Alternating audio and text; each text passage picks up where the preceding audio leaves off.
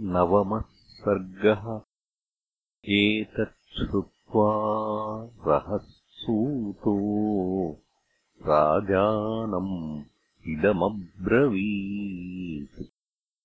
ऋत्विग्भिरुपदिष्टोऽयम् पुरावृत्तो मया श्रुतः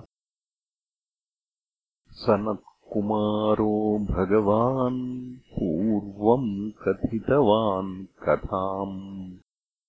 ऋषीणाम् सन्निधौ राजन् तव पुत्रागमम् प्रति।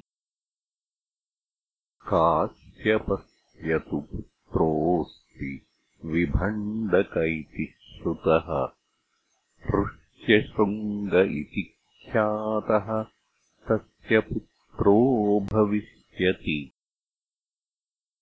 स वने नित्यसंवृद्धो मुनिर्वनचरः सदा नान्यम् जानाति विप्रेन्द्रो।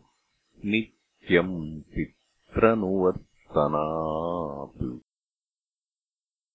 द्वैविध्यम् ब्रह्मचर्यस्य भविष्यति महात्मनः लोकेषु प्रथितम् राजन्। विप्रैश्च कथितम् सदा। तस्यैवम् वर्तमानस्य कालः समभिवर्तत।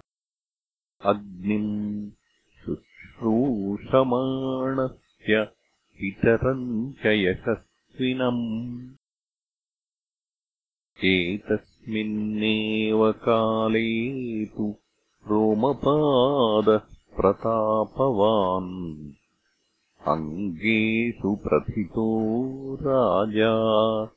भविष्यति महाबलः।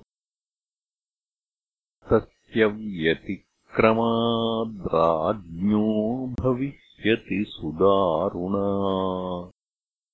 अनावृष्टिः सुघोरा वै सर्वभूतभयावहा अनावृष्ट्याम् तु वृत्तायाम् राजा दुःखसमन्वितः। ब्राह्मणान् श्रुतवृद्धांश्च समानीय प्रवक्ष्यति भवन्तः श्रुतधर्माणो लोकचारित्रवेदिनः समादिशन्तु नियमम् प्रायश्चित्तम् यथा भवेत्। वक्ष्यन्ति ते महीपालम् ब्राह्मणा वेदपारगाः विभण्डकसुतम् राजन् सर्वोपायैरिहानय। आनाय्य च महीपाल ऋष्यशृङ्गम् सुसत्कृतम्। प्रयच्छकन्याम् शान्ताम् वै विधिना सुसमाहितः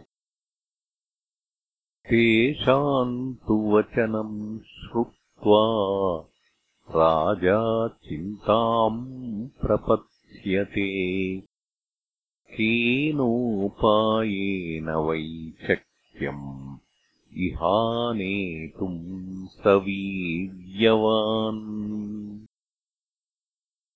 ततो राजा विनिश्चित्य सह मन्त्रिभिरात्मवान् पुरोहितममात्यांश्च ततः प्रेष्यति सत्कृतान्।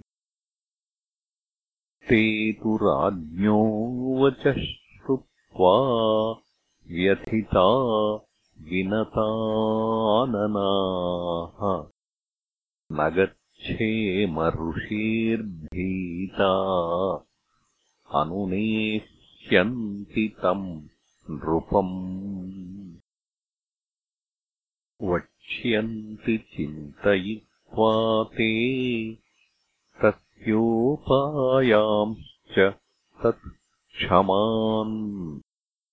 आनेष्यामो वयम् विप्रम् न च दोषो भविष्यति। एवमङ्गाधिपेनैव गणिकाभिः ऋषे सुतः आनीतो वर्षयद्देव शान्ता चास्मै प्रदीयते। ऋष्यशृङ्गस्तु जामाता पुत्रांस्तव विधास्यति सनत्कुमारकथितम् एतावद्व्याहृतम् मया। अथ हृष्टो दशरथः सुमन्त्रम् प्रत्यभाषत यथर्ष्यशृङ्गस्त्वानीतो विस्तरेण त्वयोच्यताम् इत्यार्षे श्रीमद् रामायणे वाल्मीकीये आदिकाव्ये बालकाण्डे नवमः सर्गः